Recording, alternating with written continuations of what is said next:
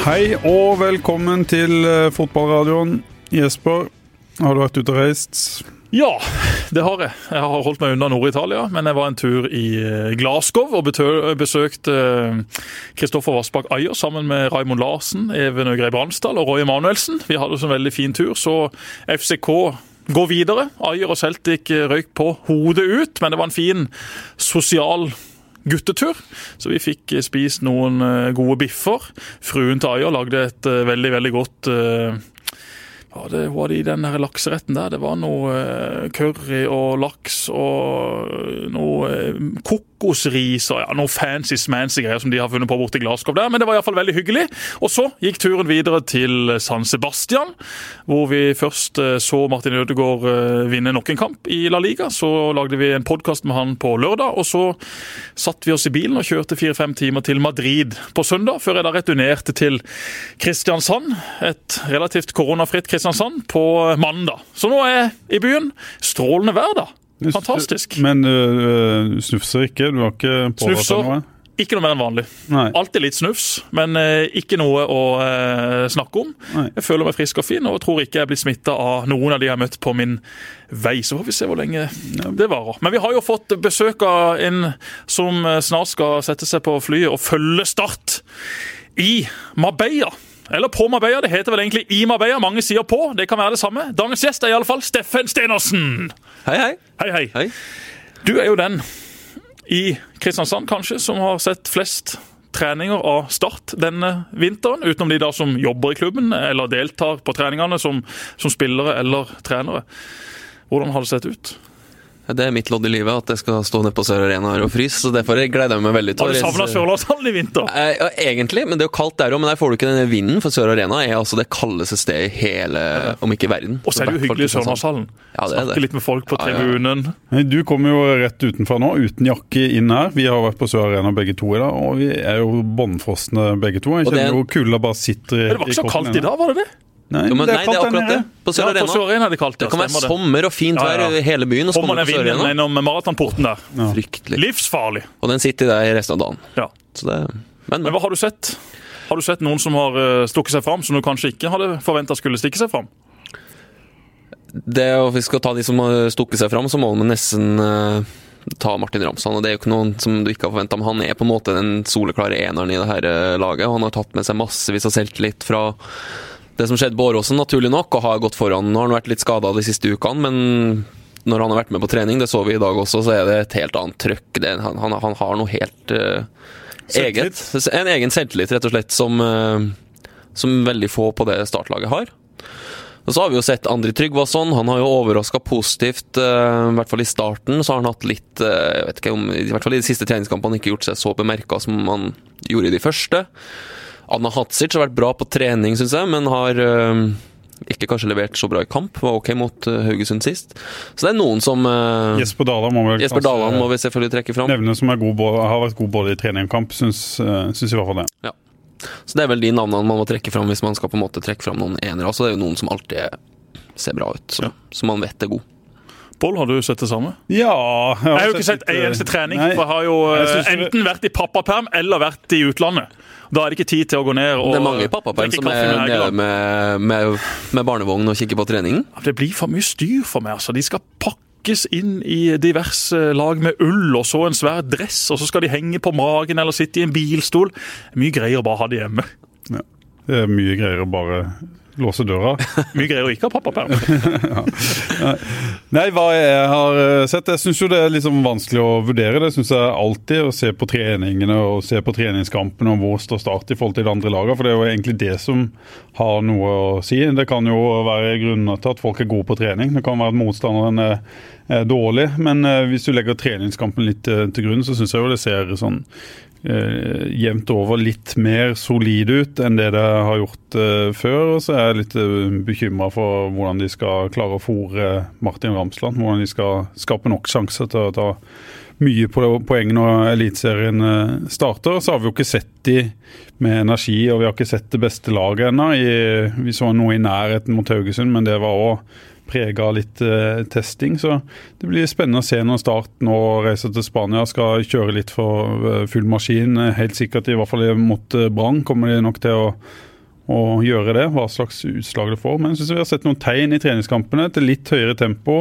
Litt at de, de gode periodene til start, at de kanskje har litt høyere tempo i det de, de gjør da, enn det vi så i fjor. og Det tror jeg de er nødt nødt til å ha så er det alltid vanskelig, som du sier, å skulle si hvem som får en god sesong basert på det man har sett om vinteren. Mange er jo sånn typisk januar-februar-spillere. Kommer veldig godt trent etter en uh, liten ferie, etter en liten pause. Og så innhenter virkeligheten disse spillerne når da alvor etter hvert begynner i april. Men uh, det du sier med Ramsland, han blir jo selvfølgelig den viktigste spilleren denne sesongen. Bak han ser det veldig tynt ut. Også i form av det å være en type, en leder, en som kan spre litt selvtillit og galskap i det laget. For er det noe som trengs denne sesongen, så er det jo akkurat det. Mm. Aron Sigurdasson har reist. Det var den eh, beste offensive spilleren i 2019-sesongen. Han er ikke erstatta på noe som helst vis, selv om Tryggvason har vært bra i vinter. Ok, Det er nå én ting. La oss se når alvoret begynner. Han er fortsatt ung og uferdig og, og, trenger sikkert noen år før han virkelig blir en stabil og god seniorspiller. Men jeg syns jo det startlaget dessverre ser svekka ut sammenligna med, med, det vi så i fjor, hvis du da bare tar det spiller for spiller. For det å finne en sånn spiller som Sigurdasson, det er så ekstremt vanskelig. Det koster så mye penger hvis du skal være sikker på å få inn en sånn en type. og Selv om du har noen som er unge og lovende og spennende, og alt det der, så var Sigurdarsson en garantist sist sesong. Både hva gjaldt å levere mål, men målgivende pasninger og det å spre litt usikkerhet hos, hos de man møtte. Så, så, det er jo et stort spørsmålstegn. Jeg har sagt flere ganger at de er avhengig av å få i gang eh, Kevin Cabran opp på det nivået han var på forrige gang de var i Eliteserien. Det ser ut som han trener veldig godt, men vi, vi ser jo ikke han sprudle sånn som han i perioder gjorde. Han må få den selvtilliten, og skårer han sist. Men der, han er, jeg tror de er avhengig å komme opp på det nivået han var på før, eh, før han ble skada i 2018. må vi jo tilbake til. Mm.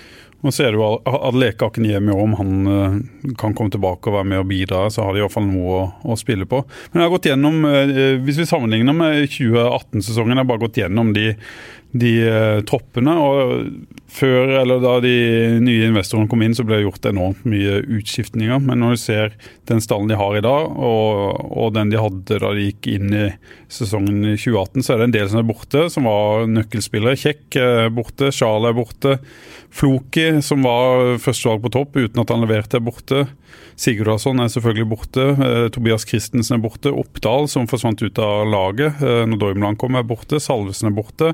Og så er Sandberg eh, borte. Men det var ingen av de som var ekstremt viktige for Start. Sjala kanskje da han kom var en klassespiller, det så vi.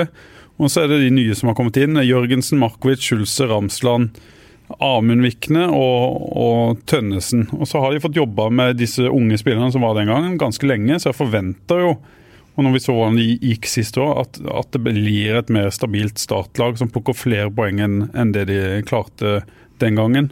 Segberg spilte mye den sesongen. Low, Ropstad, Mu, Tvom, Kabran, Vikne, Skånes, Doimeland. Det var på en måte mye av den stammen den gangen som, som fortsatt er der og har jobba sammen i to år. Da var jo, alle var jo omtrent eh, nye. Så det er jo Jeg tenker at det er lov å ha litt forventninger til at eh, at dette skal eh, spille litt, da. For det er jo store investeringer, mange av de, for en, eh, for en klubb som, som Start. Jeg føler jo at de har hatt litt samme sesongoppkjøringa som de hadde i 2018 Og Da også snakka vi om at de var Da så de jo ikke ut i treningskampene. De, da venta vi jo bare på at det skulle løsne. Vi satt ned på Marbella, og de spilte mot Kongsvinger eller HamKam eller hvem det var. og og klarte jo ikke å få til det grunnspillet de, de, prøvde på. Nå ser det jo mye mer stabilt ut, syns i hvert fall det. da. Det ser mer solid ut defensivt, ja. det er jeg enig i, men det slapp inn lite mål også i vinteren 2018. Og så skrev vi at de var tannløst offensivt, som et uttrykk som Mark Dempsey la sitt elsk på, tror jeg. Tannløs? What, the, why are you writing tannløs? Men, eh, så han var jo ikke helt enig i det, da, men det viste seg at det var jo helt riktig. Men og det syns vi ser litt det samme òg. Det er solid bakover. De har, fått, eh, de har Lowe, selvfølgelig, som er en, en, veldig god stopper hvis han er på sitt beste. Mm. Så har de Daland og de har Jørgensen. De har, et, de har, veldig bra dekning der og bakover. De har solide backer. Erik Vikne, som jeg ikke nevnte i stad, han, han ser jo ut som en million på trening, altså. Uh, alltid profesjonell, og, uh, så han ser veldig bra ut. Men framover så har det sett veldig tynt ut bak Martin Ramsland. Mm. Også når Martin Ramsland har vært skada, da ser det rett og slett, da skjønner du ikke helt hvem som skal skåre disse målene. Vi snakka om Andre Tryggvason. Han er jo ikke noe Aron Sigurdarsson ennå. Langt ifra. Det er noe der, utvilsomt. Eman Markovic også, der er det et eller annet. Man har ikke fått ut Kevin Cabran det samme. Det er helt avhengig av å få i gang en eller to av disse offensive spillerne som skal gi ballen til Martin Ramsland. Og så har vi snakket, eh, Alle gangene vi har sittet her og snakka om sesongstarten til Start, så har vi jo sagt at de ser eh, solide ut defensivt i treningskampene. og Så har serien kommet, og så har Start vært det laget i Eliteserien i alle år de har vært oppe nå. De siste fem-seks gangene de har gått opp og ned, så har de sluppet inn eh, 60 pluss eh, minus. Ja, og det var jo noe eh, skremmende forsvarsspill også sist sesong i Obos-ligaen med den samme gjengen. Så at det skal være så himla stabilt eh, og gjerrig defensivt, det, det gjenstår jo å se. Men jeg er helt enig hvis du skal plukke ut én lagdel da, som ser solid og sterk ut, så er jo det backfireren pluss keeperne. Der bør du i alle fall være godt nok eh, skodd. Og så er jo igjen da spørsmålet hvem skal skape det framme? For Martin Ramsland er ikke en eh, Kylian Mbappé som bare fikser ting på egen hånd. Han må bli spilt god, han må få sine innlegg. Selv om ikke det var all verdens han fikk å jobbe med på Åråsen og likevel klart å skåre tre mål, så kan du ikke forvente at han skal holde på på det viset i kamp etter kamp. Men hvis han kan ligge i boksen, hvis han kan være rundt 16-meteren til motstanderen, så kommer han til å skåre bra med mål. Men hvem av de andre har nok fantasi og kreativitet og selvtillit til å være den kreative kraften som det Sigurdarsson var, som det Start aller helst eh, bør ha i sitt lag, også da for å engasjere et publikum. For har du den type profiler, det kan godt være Markovic blir det i år, Tryggvason kan bli det, Karban kan bli det. Men noen av de må iallfall bli det. Hvis ikke, så tror jeg faktisk det er fare på ferde med tanke på det å spille Eliteserien 2021. Det er veldig mange som er positive og, og sier at det er gjort veldig mange eh, bra grep, og, og det er jeg for så vidt helt enig i. Men man må også se litt realistisk på det, og sammenligne med de andre lagene som er i Eliteserien. Da er ikke Start sånn at de kommer til å spasere opp på over halvdel. Jeg tror det startlaget nå er et sted mellom 15. og 10. plass. Og Der eh, har Start vært førerkjemper. Noen ganger har det gått bra, ofte har det gått eh, galt. Jeg håper at Start kan gjøre noen justeringer i spillerstallen inn mot sesongstart, som da vil gjøre at eh, vi ser litt mer offensiv kraft i de laget. De har jo også ekstremt mange spillere på kontrakt. Den garderoben, den garderoben er jo overfull. De må jo nesten bruke Hegeland sitt materialforvalterrom for å få plass til alle spillerne.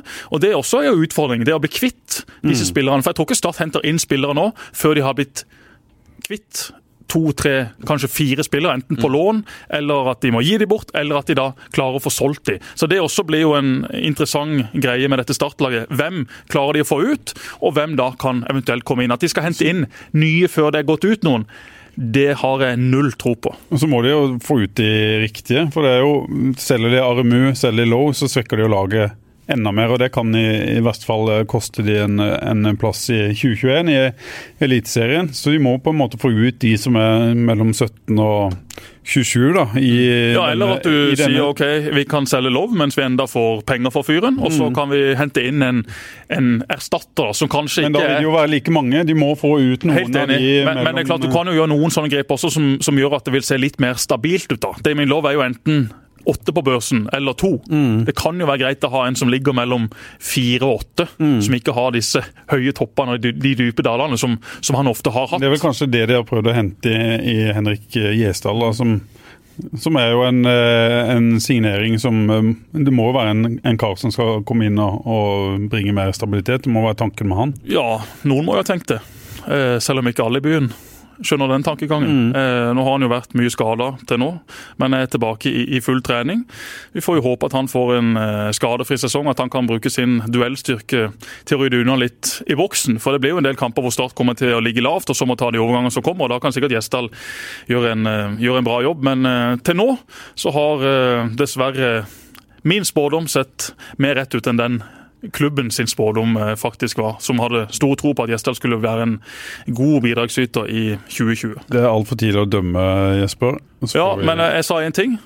Han er ekstremt mye skada. Har han vært mye skada denne vinteren? Ja eller nei? Ja, det har han vært. Og jeg har sjøl vært mye skada, og spillere som har vært mye skada, de blir ofte skada også i den tida som kommer. Så eh, jeg er fortsatt eh, skeptisk. Gjesdal eh, er sikkert en fantastisk fyr og en god spiller på sitt beste, men det begynner å bli noen år siden vi har sett det. Og eh, det er jo litt skummelt hvis du skal belage deg på han. Derfor er det jo veldig gledelig at Jesper Daland har hatt en bra vinter, selv om du ser at også han har store mangler når det gjelder å forsvare eget mål. Annet borte mot Fløy, hvor han viser sine, viser sine svakheter når han da blir utfordra med, med nesa mot eget mål. Så Heller ikke han kan du forvente at skal gå inn og være en klassestopper i Eliteserien i 2020. Han kan sikkert få sine kamper og sine minutter og gjøre det bra, men det er ikke han som skal være lederen der bak. Heldigvis så har du Jørgensen og Lov som, som har erfaring og som har den nødvendige klassen, hvis de er på sitt beste. Mm. Og Så får vi håpe at Gjesdal er skadefri, og at Daland fortsatt kan, kan ta de stegene som, som vi håper på. Ja, Det syns jeg vi ser med Joakim Jørgensen inne på det laget. Jeg syns jo sånn jevnt over i, i fjor at han hadde en eh, god sesong. og at bare det å ha han der, og den duellkraften, det, måten han blokker skudd på, måten han er oppe i kroppen på, på motstander, den rutinen han har, det blir på en måte viktigere enn det du kanskje tenker. Det er ikke den mannen du tenker er veldig viktig for, eh, for dette laget, men eh, kanskje det er akkurat det han, kanskje det er akkurat det han er. Jeg syns kanskje Lowe har den samme effekten på det her laget. at jeg synes du ser at Med en gang Damien Lowe er i midtforsvaret der, at det, ja, han er jo uvøren, det er jo ikke noe tvil om det, han gjør mye rart, men han skaper en eller annen trygghet i at den fysikken han har, med den farta han har, så kan han rydde opp i veldig mye. Ja, han har en helt annen evne til å forsvare sitt egen mål enn Jesper Dalan har, f.eks. Dalan har mye andre kvaliteter, men Damon Lowe på sitt beste, det må liksom understrekes hver gang, på sitt beste med Damon Lowe, så er han en, veldig veldig god stopper i Eliteserien. Så jeg tenker de har sikkert en eh, Så ser vi litt mer smil til Damien Lowe nå de siste ukene enn det vi kanskje gjorde i- starten av sesongen da han var forberedt på å reise. Nå har han jo til og med sagt at han garanterer at han, han spiller når serien eh, starter og, og virker på, i mye bedre humør. Ja, det har, det, vi vet jo at det var litt, eh, om ikke dårlig stemning, så ja, det, det var litt dårlig stemning rett og slett mellom han og trenerteamet. Jeg tror han kanskje var, om han ikke var forberedt på at det kanskje skulle skje noe i januar, så var han var i hvert fall ikke veldig happy med sin egen situasjon. Han har også fått eh, beskjed tilbake, tror jeg, om at du, du er ikke Du må trene bedre. Du må trene bedre, eller du må i hvert fall eh, ha en bedre holdning til det. Altså det Han har fått beskjed om, i hvert fall om at han er ikke så god som han kanskje selv tror at han er. Den, litt den greia der. og men så tror jeg kanskje de har funnet litt mer balanse på hvordan å håndtere Damon Lowe da, enn eh, man har gjort før. da, For han er jo en krevende type i miljøet, det, det er ikke noe tvil om, men på sitt beste så er du en veldig god fotballspiller. Og Så må han også tenke på sin egen karriere. Han må jo levere en god sesong eh, i 2020 hvis han skal komme seg til en enda større klubb, som er hans Hvis han hadde vært så god som det han tror, så hadde det jo vært store bud der allerede, og da hadde han vært uh, solgt. Og norske klubber, eller danske klubber, eller svenske klubber, eller hvem det måtte være, de gjør jo research. i alle fall. De fleste av de, selv om ikke det alltid ser sånn ut, så, så kan de ta en telefon eller to.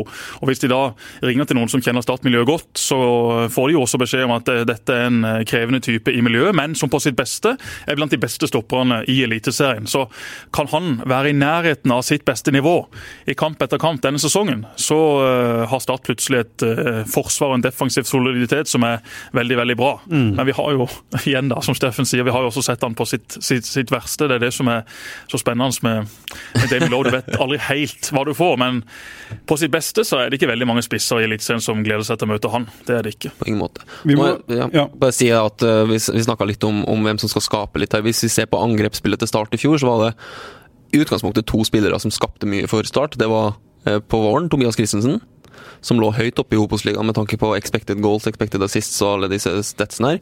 Gikk til Molde. Så tok Aron Sigurdarsson over den, og han skåra 13-14 mål i fjor og hadde 10-11 assist. Da snakker vi halvparten av målene til Start da fort.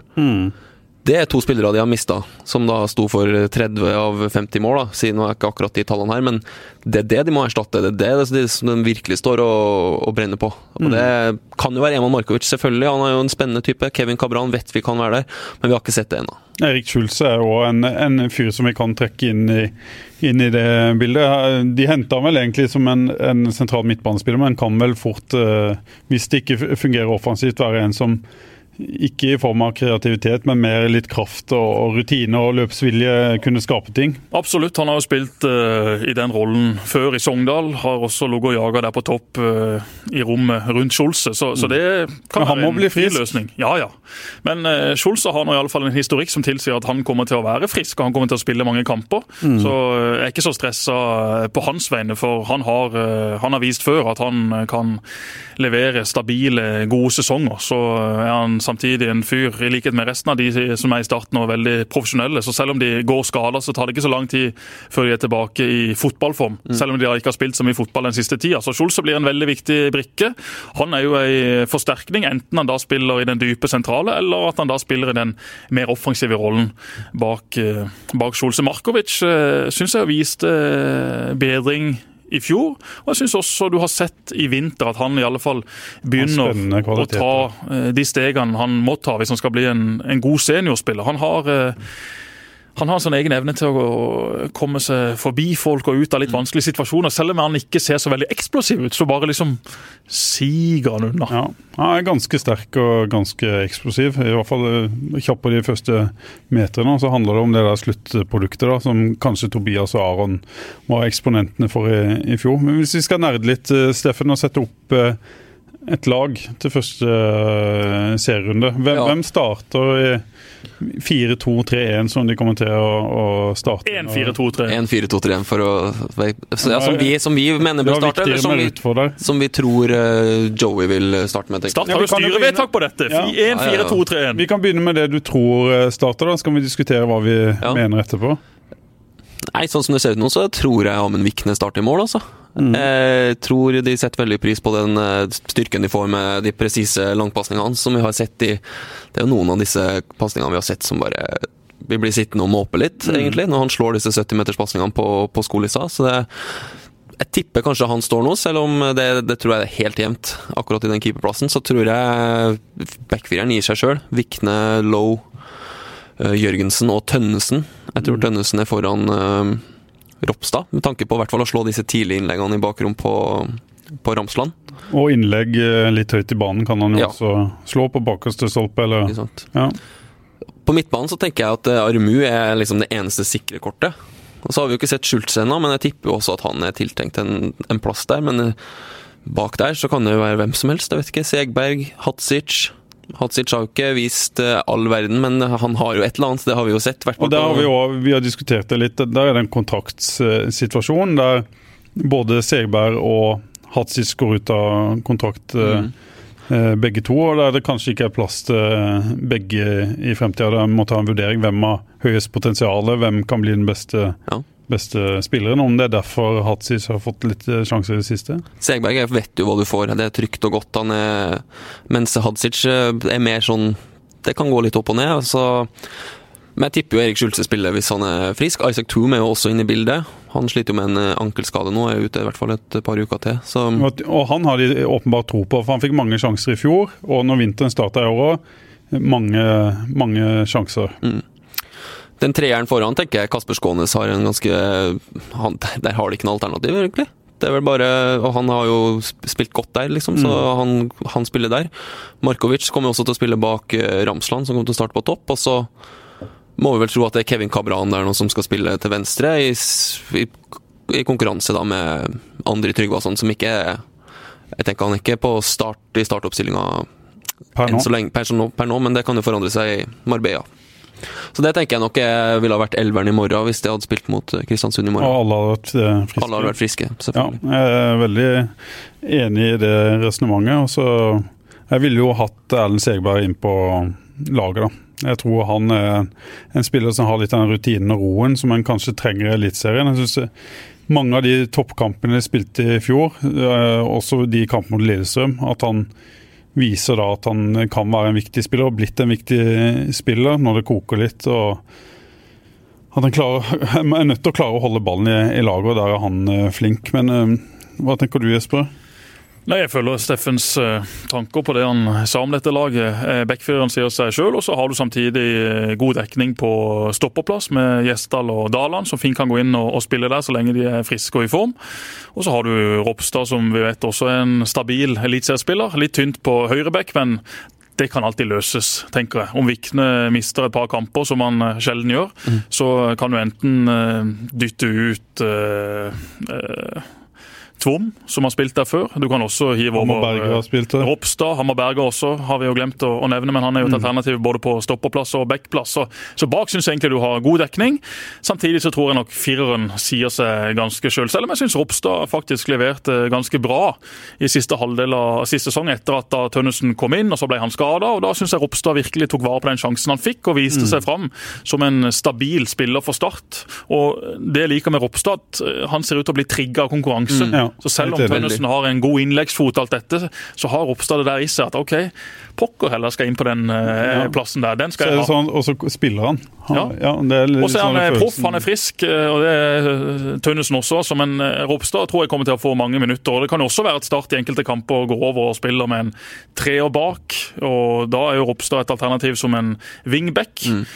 Så på midten eh, Aremu spiller selvfølgelig, og så er det åpent, som dere sier. Det tror jeg kommer litt an på hvem du møter. Er det en kamp du skal styre, ja, så kan Segberg være fin. Er det en kamp du skal forsvare deg mye i og trenger enda mer intensitet i, i det leddet, så, så kan det godt være at uh, Hadzic eller uh, Tvom kan bli valgt der. Samtidig så tror jeg nok, i likhet med Steffen, at hvis Scholz er frisk, så kommer han til å være den eh, foretrukne der sammen med Aremu. Og så blir den uh, treeren foran, som Steffen sa, og på topp så er det jo udiskutabelt hvem som skal spille. Har vi noe tro på at Adeleke Akiniemi kan bli en viktig del av dette? Har du det, Steffen? Det, jeg syns det, det, er vanskelig å si. Altså, jeg er jo ikke medisiner eller noe som helst. Men at han skal være en del av det her på, i vårsesongen, det er vanskelig for å se for meg. At han nå er operert, det ser bra ut. Operasjonen har gått fint og alt. Han kan begynne å løpe. Så har han ikke spilt fotball på et år. Vi, vi ser åssen han går. Det, han klarer fortsatt ikke å gå vanlig. Han, om det er mentalt, at han ikke tør å legge trykk på, eller om åssen det vet jeg ikke. Men at han skal være en del av det her, i hvert fall tidlig i vårsesong, det, det sliter jeg med å se. De, når vi snakka med det i januar, så var det jo eh, i hvert fall at hele vårsesongen røyk. At, eh, og vi har snakket med folk som ikke vil snakke med oss på trykk, som snakker om at uh, det her, vi, vi sliter litt med å finne ut hva det er. og hvordan det skal løses. Så at det nå plutselig skal bli operert og så være fiksa, jeg vet ikke. Det høres jo altså Hvis det er et tilfelle, så er det fantastisk. Veldig bra. Vi så jo hva han kunne gjøre i den lille høsten han fikk eh, spille. Så, Men um, Ja, Det er synd. Jeg vil se det først. Utrolig kjedelig at ja. han uh, har fått seg den skaden, og Ja, at ja. uh, i etterkant har vært eh, rot med å finne ut av hva som feiler han og få han operert på, på riktig måte. Først og fremst for gutten sjøl, men også for uh, klubben, som la uh, godt med penger på bordet for å sikre seg. Uh, Adeleke han har jo fart og kraft og noen ferdigheter som ingen andre spisser i Start har. Akkurat på det viset så kan han komme seg tilbake og bidra. Om ikke det så er i de første kampene, så, så vil det være en veldig viktig brikke for Start. For han bringer noe inn i det laget som Start eh, har akutt behov for. Sånn ekstrem fart på topp. Ramsland er jo rask, men han er jo ikke Adeleke-rask. Han hadde jo egenskaper. Kjetil Rekdal, noe av det siste han sa før han reiste. eh, Jeg hadde en prat med han nede på Marbella han som sa at Adeleke er den siste jeg er redd for at eh, holder dette nivået. Han er for god for Obos-ligaen. Minner, meg- minner meg om Leke James, som spilte i, Ja. i Molde og kan bli minst like god som, da som Leke møtte James. Ålesund, var det ikke det der nede? Eller hvem var det Start møtte da Adeleke hadde ganske mange store sjanser? Sogndal, var det det? Var det Sogndal? Sogndal, ja. Da var han alene med jo. keeper et par ganger. og ja, Det var jo rett etter vi hadde hatt innbrudd i leiligheten. Så ja, vi har gått litt sur her på dato og kamper og, og motstandere. Men i de kampene der nede så så du at ok, han brant litt sjanser, han var litt uskolert i avslutningsøyeblikket. Men måten han kom til disse sjansene på, og det han gjorde med motstanderen Han strekker jo laget, han gir jo rom til de som da kan herje på i, i mellomrommet. Han har jo ikke kunnet gått. Han har jo sett ut som en handikappa fyr når han har da vandra fra garderoben og bort til treningsrommet på Sparebanken Sør Arena. Det har jo vært et stort problem. Og utrolig sånn Jøss, hva er det som skjer her? Fyren kan jo ikke gå engang. Men Sånn kan det da være, fram til de får operert han på rett måte. La oss nå krysse fingrene for at han kommer seg tilbake igjen og kan bidra. For da eh, vil det være som en ny spiller for Start. En spiller som ikke vi har regna med. Og Espen Børhusen er også en spiller som er eh, rusten etter hvert eh, i lang tid ute. Og nå har vi jo heller ikke snakka om, nå får vi jo se hva som, hva som skjer med han. Men han er det jo litt det samme med. Når ikke du har vært på banen i så lang tid, så tar det tid før det virkelig begynner å svinge igjen. Han kaster seg inn i taklinga nå, og selv om han nå ikke ser han, han ser ikke så skarp ut som han, han gjorde, så er jo det plutselig en spiller etter to-tre serieomganger som du skjønner at du Oi, vi trenger han, og så kommer han inn på den uh, måten. De må gi det tid, i hvert fall. Og Adeleke også kan ikke bare presse fram at Adeleke skal bli frisk nå til, til seriestart, for at de trenger en til seriestart. Han må, han må sikkert bruke fram til sommeren, tipper jeg. For å Ja, og Kan han være frisk til sommeren, så må det være langt bedre enn det vi eh, Det vi forventa tidligere i år. Er det noen av de unge Steffen, som du tenker kan få en uh, viktig rolle? De unge lokale som, som er her i, i bakgrunnen med å, å trene. Vi har jo sett uh, Eftervåg var med tidligere, vært ute med en operasjon. Tilbake igjen nå, er på treningsfeltet og blir antageligvis eh, med til Marbella. Christian Lien, som har trent med A-lag i, i hele sommer. Sander Sjøkvist, som var litt innom uh, i fjor. Har vi noen flere? Ja, det er Jesper Daland er jo en ung Ja, ja det er han. Og så har vi en som heter altså. Gamachis, da, som har vært med mye i det siste, og som også får sjansene på Mabeia. Ja, Christian Lien tror jeg vil få en sånn jokerrolle allerede til, til seriestart. Altså Hvis Martin Ramsland hvis de skal ha et endring av et kampbilde, trenger et mål på slutten av kampen f.eks. Det visste han jo allerede i fjor. at han, Da hadde han jo ett innhopp og hadde en assist. Og vi har vel sett tegn til nå i vinter at han blir prioritert foran Mathias Bringaker. På, At han spiller spiss og Bringaker på kant. Ja. Og så har Joey også sagt at han liker det han ser av Bringaker på, på kant, om det er en, noe han bare sier, eller om ja, det faktisk det, det, Bring- det er en posisjon Bringaker kan spille i også, og en posisjon de er tynt besatt i. Men Christian Lien tror jeg er en sånn joker de kan sette inn for å skape et trykk på en motstander. Og så tror jeg Jesper Daland også vil få en rolle for disse to midtstopperne han virkelig klarer å spille eh, hele sesongen. Joakim Jørgensen er jo, har jo vært skadeutsatt. Eh, Damon Lowe vet vi jo ikke hva som skjer med. Og Jesper Daland er nok stopper nummer tre nå, vil jeg tro. I hvert fall nå som Gjesdal har vært skada.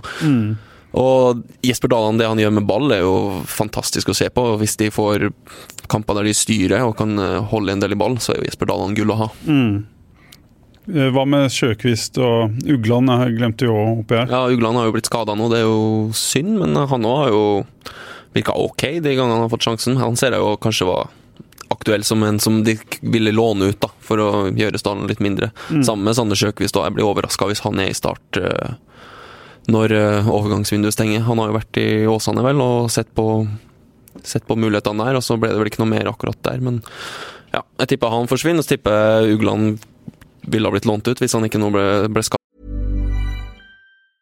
Ready to pop the question? The jewelers at BlueNile.com have got sparkle down to a science with beautiful lab grown diamonds worthy of your most brilliant moments. Their lab grown diamonds are independently graded and guaranteed identical to natural diamonds, and they're ready to ship to your door. Go to BlueNile.com and use promo code LISTEN to get $50 off your purchase of $500 or more. That's code LISTEN at BlueNile.com for $50 off. BlueNile.com code LISTEN. Hva har du sett av Christian Lien, eh, Jesper? Nei, eh, jeg har jo sett han eh, i en del kamper og på noen treninger, og jeg har ikke sett all verdens, for å være helt ærlig. Jeg syns ikke han har så veldig mye å by på når vi snakker om et eliteserienivå. Han kan sikkert bli eh, god etter hvert, men akkurat nå så er ikke han en som kan komme inn og gjøre en stor forskjell for Start eh, i 2020. Sånn som jeg ser det, da vil jeg mye heller bruke Springaker som spiss, som tross alt har levert eh, mål på det nivået før. og Det året Start uh, rykka ned, så hadde jo Bringaker eh, gått med skåringer som han da heiv inn. og Han har en eh, frekkhet, og han har eh, litt fart, og han er en god avslutter når han bare får muligheten. så det kan jo godt være Joey også tenker sånn at hvis vi ikke blir kvitt Bringaker, som tydeligvis har vært et ønske, så kommer han inn igjen og er da alternativet til Ramsland. For da må jo Start bare tenke på at ok, nå er neste vindu i sommer, nå må vi bruke de beste spillerne vi faktisk har i denne stallen. Så sånn kan jo endre seg fram mot eh, seriestart. Uh, disse unge gutta det er jo ingen av de som er noen sånn eh, supertalenter når vi snakker om Tobias Christensen, Mathias Rasmussen, Kristoffer Ayer. De er på et nivå under, så vil jo ikke det si at ikke de kan bli gode til slutt. For eh, det er en eh, lang vei, og vi må slutte å ha så utrolig hastverk i, i Norge. Vi er veldig fort til å si når folk er 16-17-18 ok, han blir god, eller han blir ikke god. Men eh, basert på hva jeg har sett, så er det ingen av disse som går inn og spiller en stor og viktig rolle for Start denne sesongen. Det blir eh, de vi snakka om i stad, i elveren og disse alternativene rundt elveren. Og så blir det jo opp til disse unggutta å, å motbevise det jeg sier. Det håper jeg for alt i verden, for Jeg ingenting er gøyere. Jeg tror Lien har minst like stort potensial som eh, Lars Jørgen Salvesen, som var jo en sånn spiller som noen så potensial i, og andre ikke eh, så. Jeg ser litt av det samme i han som jeg ser i Men hva er det han har, da, Salvesen. som er så spesielt? Han er god i ballbehandlinga, god med begge bein, god avslutter, sterk i lufta. Ja, men Lars Jørgen Salvesen var en god avslutter, en fantastisk avslutter. Er han i nærheten av Ja, det? det er han. Jeg mener han er i nærheten av, Salvesen. Han har ikke det rå venstrebeinet, han har ikke den snerten i, i skuddet, men alene med keeper i gode posisjoner og sånn, så har han den roen, han har den smartnessen i, i avslutningene sine som eh, kjennetegner en, en god spiss. Det mener jeg du kan se allerede. Og så mangler han noe tempo, eh, men han er på en måte en sånn klassisk 4-3-3-spiss.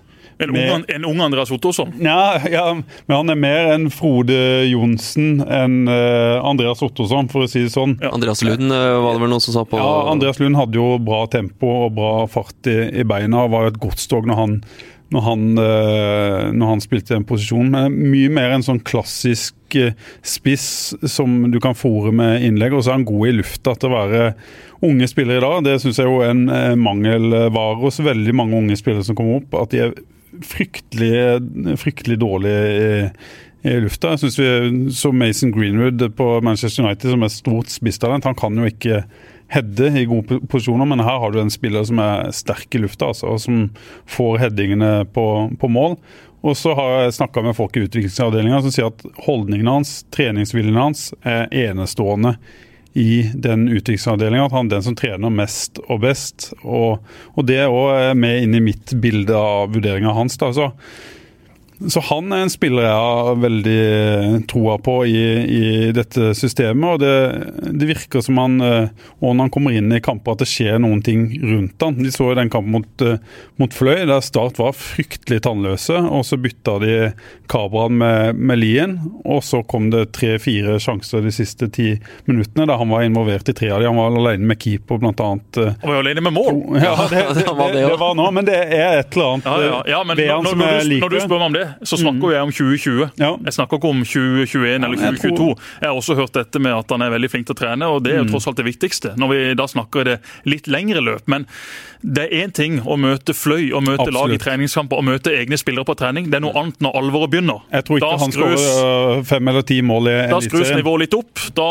stiller det f.eks. litt høyere krav til både duellstyrke, men fart og alt blir Mm. Til å vanskeligere. score- Og det tar litt tid før man kommer dit. Jeg tror han kommer til å skåre i Eliteserien i år. Det tror han kommer til å gjøre. og Så får vi se når det målet kommer. Om det kommer på slutten når de har rykka ned, eller om det Han er fra Flekkefjord, er ikke det? Jo. Heia Flekk, heia Fjord, heia gamle bestemor! Tenk om det hadde kommet busser fra Flekkefjord på kamp, da, Jørgensen! Det hadde vært, vært moro. Det hadde vært veldig Var ikke for han er kirurgen, var ikke han borte i Flekkefjord og rota med diverse kropper? Jo. Tenk deg Det var. For en skandale. Skal ikke ta det her og nå, altså. Men tenk deg for en skandale at en fyr opererer folk som ikke er skikka til å operere folk! Kan ikke stole på noen lenger, vet du. Legge på den. Men hvem må starte foran på tabellen? Ok, Hvis de ikke skal rykke ned, så må de ha minst to lag eh, De må få en seg. Sandefjord og Mjøndalen. Så enkelt og greit. Ja. Mjøndalen har visstnok hatt en eh, dårlig vinter. Gauseth veldig pessimistisk, veldig negativ. Nå har han vært ute med skade i vinter, så det kan jo være noe av forklaringa. Men eh, Mjøndalen er et lag Start bør komme seg foran i 2020. Sandefjord er jo eh, et nyopprykka lag hvor det har vært mye rot og rør og misnøye og uenigheter og det ene med det andre. Der har det ikke helt vært fryd og gammen. Så får vi se hvordan det er når alvoret starter. Men de to lagene der er jo de to i alle fall, jeg ser på som de svakeste. Eh, Ålesund rykka opp. De ser mye mer solide ut. Jeg tror Ålesund fort kan eh, ende på øvre halvdel i 2020. Eh, Det var kanskje ikke den mest dristige spådommen å si at de skal ende på øvre halvdel, men jeg tror Ålesund kommer til å være det klart beste laget av de tre som rykker rykka opp. Klarer Start å holde seg, så er det godt nok. Det er om å gjøre for Start nå å få stabilisert seg der. Det skjer mye spennende i utviklingsavdelinga, selv om vi alltid har sagt det. Så gjør det faktisk det nå i kraft av de som jobber der, og måten det er lagt opp på. Også eh, disse spillerne som rører seg litt andre klubber i Kristiansand, som etter hvert vil komme opp og fram. Det er så utrolig viktig nå for å skape en troverdighet mot sponsorer, supportere og alle andre som bryr seg om Start, at ikke det nå blir et nedrykk på direkten. Det hadde vært så utrolig ødeleggende, så det tror jeg vil gjøre noe med lysten til alle som i dag er involvert i mitt kjære Start. Det er så utrolig viktig nå å, å holde seg i ligaen, kunne bygge videre på det. Om det så blir eh, 14.-plass, og du holder deg via kvalik, ja ja. Hvilke andre, lag tror, si. hvilke andre lag tror du eh, blander seg ned i der? det? det? Et lag kan jo bli spådd ned, og så kan de ta medalje. Det har vi jo sett eh, mange ganger. Viking ble jo spådd ned i fjor. Og Glimt ble jo spådd ned. Nå ble Viking kanskje til slutt nummer, nummer fem. Rosenborg passerte de på, på slutten der, men Glimt tok eh, medalje. Eh, Vi var vel samstemte om at de kom til å gå ned i, i, i 2019. Hvilke lag er det som, eh, som er de som kan rykke ned eller havne på medalje? Stabæk? Stabæk eh, har jo mye ungt, eh, som de alltid har. Nå drar jo Inga Drevolsen etter hvert også til Danmark, hvor han da skal bli sportsdirektør. Eh, De har en veldig fin høst i, i Aalborg. Ja. Ja.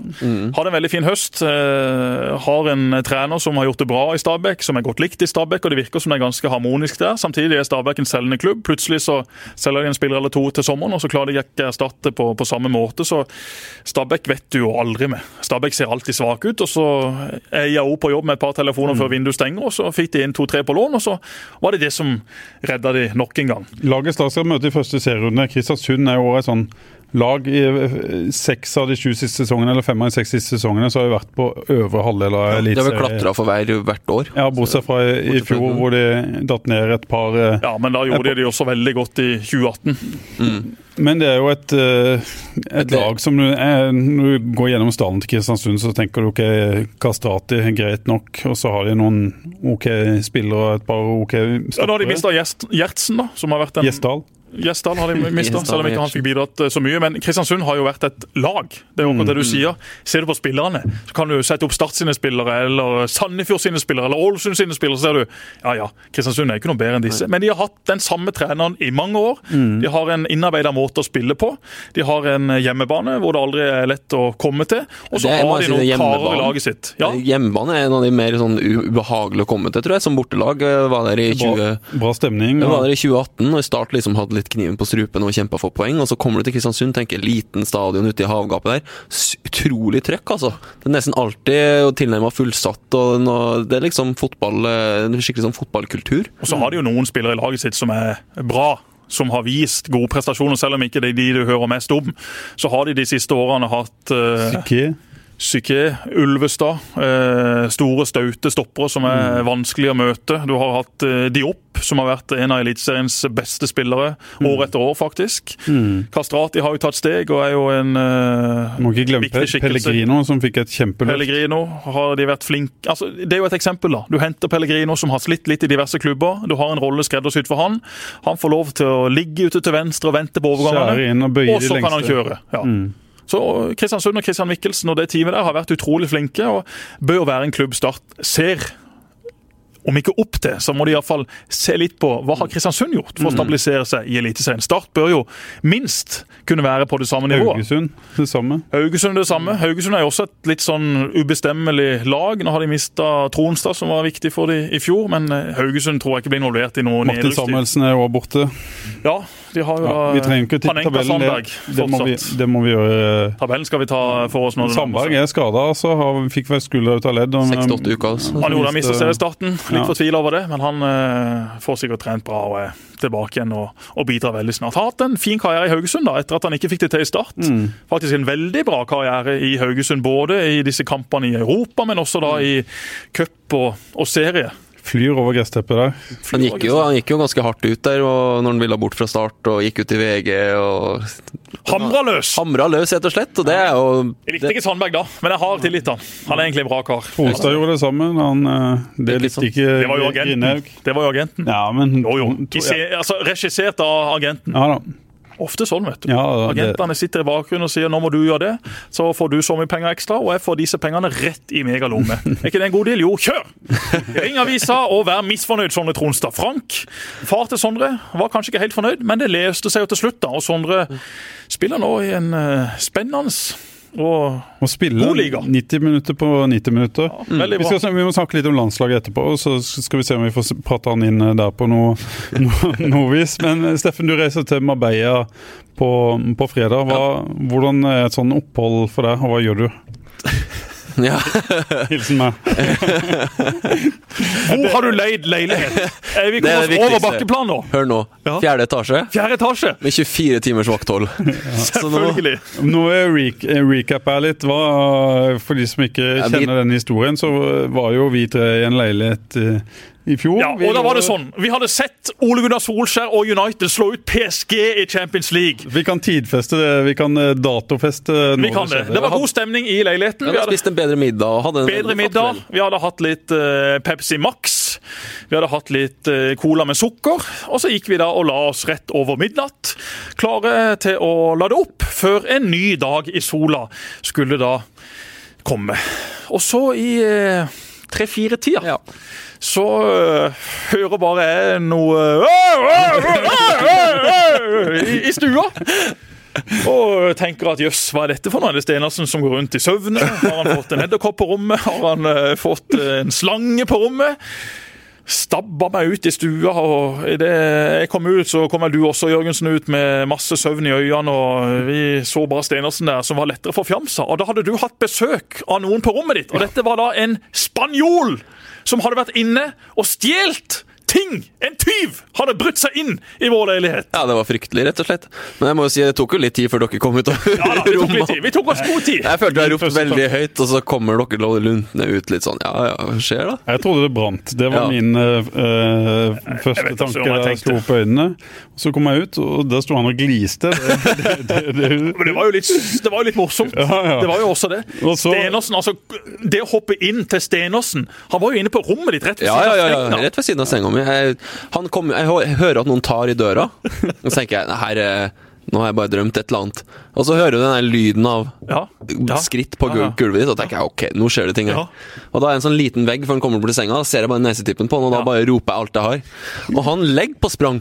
Og jeg, følger jo etter for å se hvem er det her, og da har han også kommet seg Han har aldri sett noen løpe så fort i hele mitt liv. Han har kommet seg ut på verandaen rundt der og hoppa, så ser jeg bare han flyr over gjerdet, sånn som du ser eh, folk flyr over bilpanser på? Den spanske Karsten Warholm. ja, han, han, var, han må melde seg på hekkeløpgreier, altså, for det var helt utrolig. Han fikk jo med seg litt da. Ja. Var jo en, eh, det fant vi jo litt ut etter hvert. Det tok fem minutter før jeg skjønte at kameraet mitt var, var borte. Bagen, nei, kameraet mitt var vel kanskje igjen.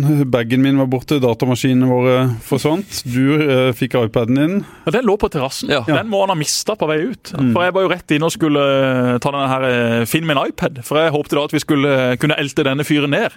Men da så jeg jo at iPaden den ligger på terrassen. Utrolig dumt at du ikke fikk tak i han Jesper, Ja, det- hvis du bare hadde fått her nevene dine på han. Det. Tenk deg det. Men i alle fall, det gikk etter hvert greit. Vi fikk anmeldt det til politiet, og dere fikk det igjen på forsikringa. og Vi så ikke noe mer til han, men vi låste i alle fall det her gitteret ganske nøye de neste nettene. ja, det kan man er fjerde etasje, security 24-7. Ja. Da kommer det til å bli greit. Det satser vi på at eh, hvis da noen kommer, kommer noen tyver, så må de nesten Da har de jobba såpass hardt Ja. for det at da tenker jeg da må Ja. de få lov. Da har de fortjent å få med seg noe. Men etter det så skal jeg jo prøve å Når jeg har fått tryggheten der, og så skal jeg jo prøve å følge Start, da. Så tett som vi kan. altså Vi følger dem jo ganske tett når de er her, men da får du Da får vi komme ganske mye tettere på. Vi følger de hver dag på trening, det er varmt og fint, og så får vi sett de i tre kamper. Og vi får eh, også snakka med andre lag, vi får sett andre lag. Det er da vi virkelig får den første pekepinnen på hvordan Start ligger an i forhold til de andre lagene. Så det, jeg gleder meg veldig. Jeg syns det er noe av det gøyere jeg gjør hvert år på jobb, så mm, De spiller mot Gorud, Brann og Sogndal i Sogndal. den eh, rekkefølgen. Mm. Så det blir jo spennende å se om Grorud blir en sånn derre testekamp igjen, eller om, han velger å kjøre, om Joey velger å kjøre full, full pinne fra, fra første kamp i Marbella. Men vi tipper i hvert fall at den brannkampen blir en sånn Skal de teste hvordan det Det er jo en mål til å starte. starter. Nå må jo Elveren begynne å Ja, ja. sette seg. Han må jo begynne å spille inn de han har mest troa på. Grorud blir jo spennende å møte. Erik Kjøn og co. har jo imponert veldig i vinter. Spiller jo en uh, feiende flott fotball. Mange som har latt seg sjarmere av det. Mange som har posta diverse klipp på Twitter med ting Grorud har gjort, og måten de forsvarer seg på og angriper på. Et av de mest eh, spennende lagene å følge, iallfall i mine øyne, i Obos-ligaen mm. 2020. Og Erik Kjøne, som har fått mye ros fra de eh, guttene han har jobba med i eh, NTF, er det det? Norsk toppfotball. Er jo kanskje en framtidig Start-trener, hvis eh, Start da eh, etter hvert er skal finne seg en uh, ny skift den dagen Joey går lei, eller den dagen Joey har vunnet alt som kan vinnes og ikke finner mer motivasjon. Men må Joey være forberedt på at hans eh, jobb på noen måte er utsatt eh, i år? Må, må, la oss si at Start tar uh, Det tror jeg ikke. få poeng i, i starten her.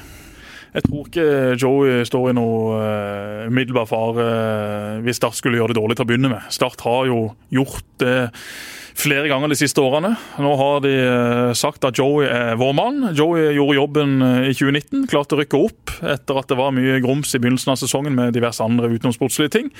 Så det, det tror jeg ikke. Jeg tror Joey sitter som sjef for Start i 2020 nesten uansett hva som skjer. Tar du de ti første kampene, ja, så kan det godt være Joey er lei sjøl, men eh, jeg tror ikke det er noe sånn fare for at eh, det blir noe endring der. og det, det er det jo heller ikke noe grunn til. Start har jo tatt et veivalg hvor de har sagt at vi skal satse mer på lokale spillere. Vi må drive en annen spillerlogistikk, og det henger selvfølgelig også sammen med, med hva eierne har eh, lyst og muligheten til å spytte inn i dette. Mm. Og det er da at de skal bruke masse penger på å først fjerne Joey og så hente inn en ny og dyrere sjef, det har jeg ikke stor tro på. Men at Erik Kjøne en gang i framtida kan være en starttrener, det er jo soleklart. Han er lokal, han kjenner godt til miljøet her nede. Han spiller en fotball som eh, folk virkelig syns er fin å se på.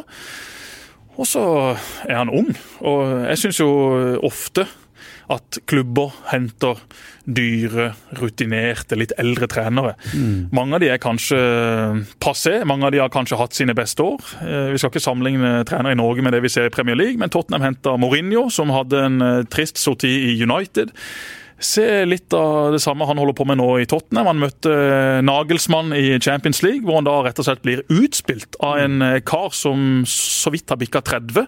Og Det sier eh, alt når de beste lagene i Bundesliga kan ha såpass unge trenere. Så kan selvfølgelig også lag i Norge ha så unge trenere. Så jeg håper at ikke bare Start, men også flere andre etter hvert går mot litt yngre og nye typer. Men det lukter jo eh, ganske tidlig når hvis Grorud gjør det bra, at Kjøne blir kanskje plukka opp av en eliteserieklubb eh, kjapt der. I hvert fall i, i, i, mine øyne, det jeg hører om han, og hvem som er ledig på markedet og hvordan ting er stilt i, i Norge. at hvis det er en OK eliteserieklubb uh, må ut på trenerjakt, at hans navn ganske fort vil, vil komme opp hvis uh... Ja, iallfall i noen klubber. Mm. Men du kan ja, Da tenker jeg ikke Vålerenga. Nei, nei, du, du, kan, du kan ta bort de seks, syv, åtte mm. største, da, ja. med de største budsjettene. For, for, de vil aldri gå den veien.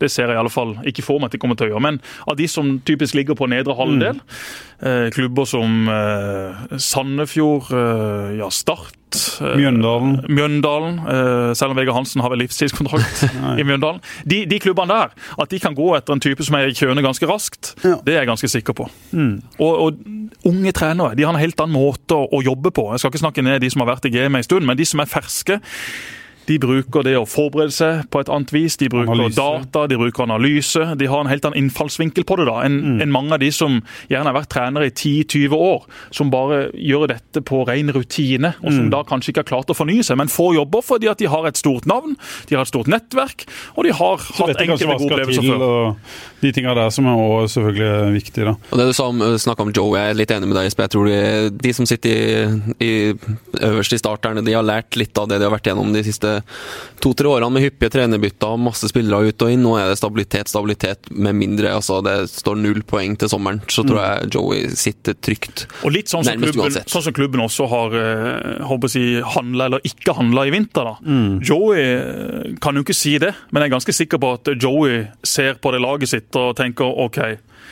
i disse to-tre posisjonene skulle jeg gjerne hatt inn litt mer kvalitet. Mm. Så kan han selvfølgelig ikke si det utad, men han har sikkert gitt beskjed om det internt. Og så har sikkert da de som leder klubben sagt at Joey, vi eh, hører hva du sier, og vi er for så vidt enig i det du sier, men vi må gå med de gutta vi har. Og der er jo Joey 100% lojal. Hvis Start skulle begynne å rote med det i 2020, så tror jeg mange bare vil si men hei, nå kan det være det samme. Dette gidder vi ikke mer. Da får vi heller bare rykke ned med Joey og disse gutta, og så øh, kan det være det samme. Mm. Jeg tror null og niks på at det blir en ny starttrener i 2020. Og, det, det tror jeg vel sånn sett samtlige i klubben også er enig i. Vi, før vi gir oss litt om øh, landslaget. Det nærmer seg en ekstremt uh, gøy, spennende, viktig eh, kan bli en uh, hel uke, det kan bli noen dager for Norge. Møter Serbia er det 26. 26., ja, er det ikke det? Mars. Mm. Det er vel uh, 26. Start skal ha et kickoff 27. Det er voldsomme greier, det som skjer nå, Jesper. Det det. Med norske spillere ute i Europa, med Haaland, med Sørloth ikke minst, som Tenk så fett Real Madrid, å være Sørloth. Selvfølgelig, Braut Haaland og Ødegaard, det sier seg sjøl. De herjer i Bundesliga og La Liga. Men Sørloth også, da. Nede i Tyrkia. Han er bare gud blant supporterne ja, ja. sine. Og det koket som er der nede, i tillegg så tjener han fett med penger. Han må ha det som plomma i egget. Og se den kraften og selvtilliten han nå fremstår med. Det er jo som å se han ikke i Bodø-Glimt på sitt beste, for han har jo tatt ytterligere steg, men misforstå meg rett, da var han også så god på det nivået han da spilte på. Flink til å gjøre de rundt seg bedre, en enorm kraft og bare gå rett på mål, har en bra fot. Han er god i lufta. Vi snakker om at eh, en del unge spillere ikke er gode i lufta, men Sørloth han er bamse i lufta. Sørloth kommer nok allikevel ikke til å starte kampen mot eh, Serbia, for Norge har jo Braut Haaland og King, som har vært en av Norges beste etter at Lagerbäck ble sjef. Det er nok de to foretrukne, og så er Sørloth en joker på benken. Vi snakka om Sondre Tronstad i sted. Kan godt være at han eh, blir en landslagsspiller etter hvert, men akkurat nå så er han et godt stykke bak i køen, for der har Norge mange gode spillere. Du ser bare på Fredrik Midtsjø, som riktignok har vært en del av troppen, har levert bra på et av de bedre lagene i Nederland, men er ikke i nærheten av å spille seg inn i den elveren til Lagerbäck. For der har du Henriksen, Berge, Selnes, Johansen. Du har mange der som er foran. Han i i, Russland som eh, kom med Mathias Nordmann. Ja. Jeg vil ha Midtsjø inn i elveren. Jeg jeg, Hver gang jeg ser Fredrik Midtsjø spille, og det kan kanskje ha noe med hvor jeg er fra, men jeg blir så imponert. Jeg så han litt i den toppkampen i helga mot Ajax. Da AZ vant 2-0. Han, han er så god. Ja. Og har litt av den kraften og kan komme på de løpene inn i boksen der. Eh, Han foran Markus Henriksen, for min del i hvert fall. Men, Helt enig i at Fredrik Mitsjø er en eh, meget god spiller som hadde fortjent mer spilletid. men Henriksen har jo vært en av de Lagerbäck virkelig har stolt på. Han Han har jo god. spilt, selv om han ikke har spilt noe i klubblaget sitt, og han har vært faktisk ganske god, som Mm. du sier. En fin makker til Berge. Så uh, Midtsjø spiller jo ikke han heller fra start, i alle fall. Det kan jo komme skader osv., men eh, det er vel ingenting som tyder på at han Midtsjø er jo mer en Roar Strand, en løper, en 4-3-3. ja, kanskje enn en, en som skal stå og Utrolig god med ballen. Ja. Du har sett han også i, i kamper i Europaligaen hvor, hvor han har det lille ekstra, selv på det nivået. Jeg har sett lite av Fredrik Midtsjø, men jeg husker jo han fra fra Fra Sandnes ja, Ulf. ja, ja, ja, men Det husker jeg veldig godt, for da, da skjønte Tom Nordli jeg som fikk han i gang Ja, i Sandnes. Ulf. Ja. da skjønte jeg at her er det spesielle spillere. Det er så kult med landslaget nå. Jeg må bare si, jeg har hatt sånn landslags... Jeg hat, ikke hata lands, men det har vært så utrolig kjedelig med disse landslagspausene. Men nå sitter du og følger med på hva Braut Haaland gjør, og hva Ødegaard og alle disse Ayer og sitter og ser skotsk fotball. Så at det er så utrolig mye kule, ikke bare spillere, men typer også. Jeg hørte litt på den podkasten deres med Martin Ødegaard fra helga. Utrolig sånn nedpå-fyr med masse selvtillit, som liksom ikke er noe redd for å by på seg sjøl litt i forhold til hva han har vært. Smart. Og smart, ikke minst. Og det samme med Sørlotta. Han var på podkast i Det er så utrolig kule fyrer òg, ikke sant? Så du har liksom profilpotensial òg. Så det, det Ja, det er gøy. Og så er jo Serbia et godt lag, dessverre. Og Skottland er jo det samme, hvis det da blir Skottland du møter i en finale på Ullevål. Jeg tror jo de kommer seg forbi Israel. Ayer eh, kjenner jo skottene godt, og han eh, advarer jo allerede mot at hvis vi skal slå Serbia, så blir eh, Skottland en kanskje like tøff kamp. For de har jo også en del gode Premier League-spillere som har spilt på et høyt nivå i mange år. Billy Gilmore. Ja, er han skotte? Han var jo kanongod i går. Han er skotte. Han herja med Liverpool.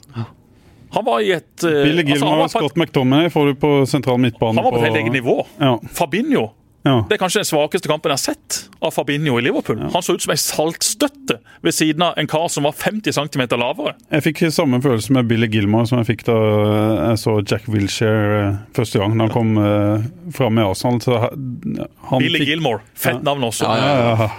Høres ut som Det er Boeing. ikke Fredrik Mitche over det? Billy Billy Gilmore. Nei, Jeg er helt enig med deg, Jesper. Det var helt eh, Jeg ble satt ut når jeg satt og kikka på den spilleren her i, i går. Ja, han var kanongod. Det blir eh, i alle fall eh, en mulighet, da.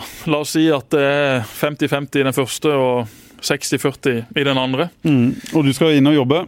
Jeg skal inn og jobbe. Eh, Vi håper i alle fall det. At Ja. vi skal få lov å jobbe med denne landskampen. Plutselig så eh, Det er er det jo sånn at eh, kampen skal spilles for tomme tribuner, men jeg vil jo tro at kanskje vi slipper inn på indre bane, så vi kan videreformidle dette til dere der hjemme. Alle oss i karantene. Ja, men du ser jo kamper nå i eh, Italia som er utsatt. Noen blir spilt for tomme tribuner. Det samme skjedde nå i Spania, med lag som skulle møte italiensk motstand. Gudene vet hvordan det går med dette her viruset, men eh, playoffen står jo i fare med tanke på at det i alle fall skal være folk på tribunen. EM til sommeren står jo i fare med tanke på at den også kan bli spilt for tomme tribuner, eller ja, Jeg vet da søren, jeg kan ikke noe om dette. Men det er jo i alle fall en del sånne usikkerhetsmomenter da, i tida som kommer. Med på dette her årsmøte. forbanna viruset. Jeg var på årsmøtet til Start i fjor. Der var det ingen startspillere eller ingen, Nei, i fjor. I går. Går kveld. Der var det De ble sendt hjem. De, de fikk ikke komme møtt opp opp i det hele tatt, nei. og det var sikkert mange av spillerne som syntes var helt Ja, greit. det var nok synd. Det syns de var synes helt greit. eh, det er morsomt å se på disse her eh, engelskspråklige gutta som sitter i tre timer på et årsmøte. Så får de bare beskjed. Rekk opp hånda. Da skal vi stemme. Ta ned hånda. Så sitter de bare der. Får ikke med seg en puck. Et årsmøte er jo kjedelig nok for oss som kan norsk. Ja. Ja. Tenk å bli tungt der for de som bare snakker engelsk. Men det har jo vært en del morsomme årsmøter i start. Opp igjennom veldig Ja. morsomme, dramatiske, men nå Det var det. Men det, det var i går, det var- Det var kjedelig i går. Det var ikke noe eh, store ting som skjedde. Nei, det var, det var rett og slett ingenting som skjedde. Det var ferdig på en time, tror jeg. Så ny styreleder Dag Andersen, og så ferdig med Monica Grimstad. Så hadde de et medlemsmøte om kvinnefotball Og da fikk ikke dere lov å være Da fikk ikke vi være med. Og vi vet heller ikke hva som ble snakka? Nei, det var vel litt sånn for og mot, Jeg har og det Jeg har hørt at det ble relativt godt eh, mottatt, og så er det vel dette med økonomien, eh, stabilitet i, eh, rundt det A-laget og disse tinga som eh, folk mener må være på plass eh, først, da, før en eh, tenker på, på damefotball. Det er sikkert fornuftig, det, men jeg tenker jo at eh, hvis en klarer å skille de to tinga, så skal det være eh, fullt mulig å kjøre et, eh, et parallelt eh, løp. Det er min eh, tanke om det. Jeg tror det er kommersiell verdi i et damefotballag sånn som verden er nå. uten tvil. Ja, det kan godt være det. Men samtidig så har jo Start uten tvil mer enn nok med sitt eget. Det har de. Så de må på en måte De må finne en uh... Det må ikke gå utover herresatsinga, det er det ingen tvil om. Det er sikkert ingen interessert i, så de må finne en måte å håndtere dette på som, som uh, gjør at de som ikke kommer inn, krever for mye, men samtidig eh, føler at dette er et svært løft for de damefotballspillerne som vil satse her i, i fylket. Så da må en finne en, en kombinasjon som funker, da. Mm. Vi må gi oss.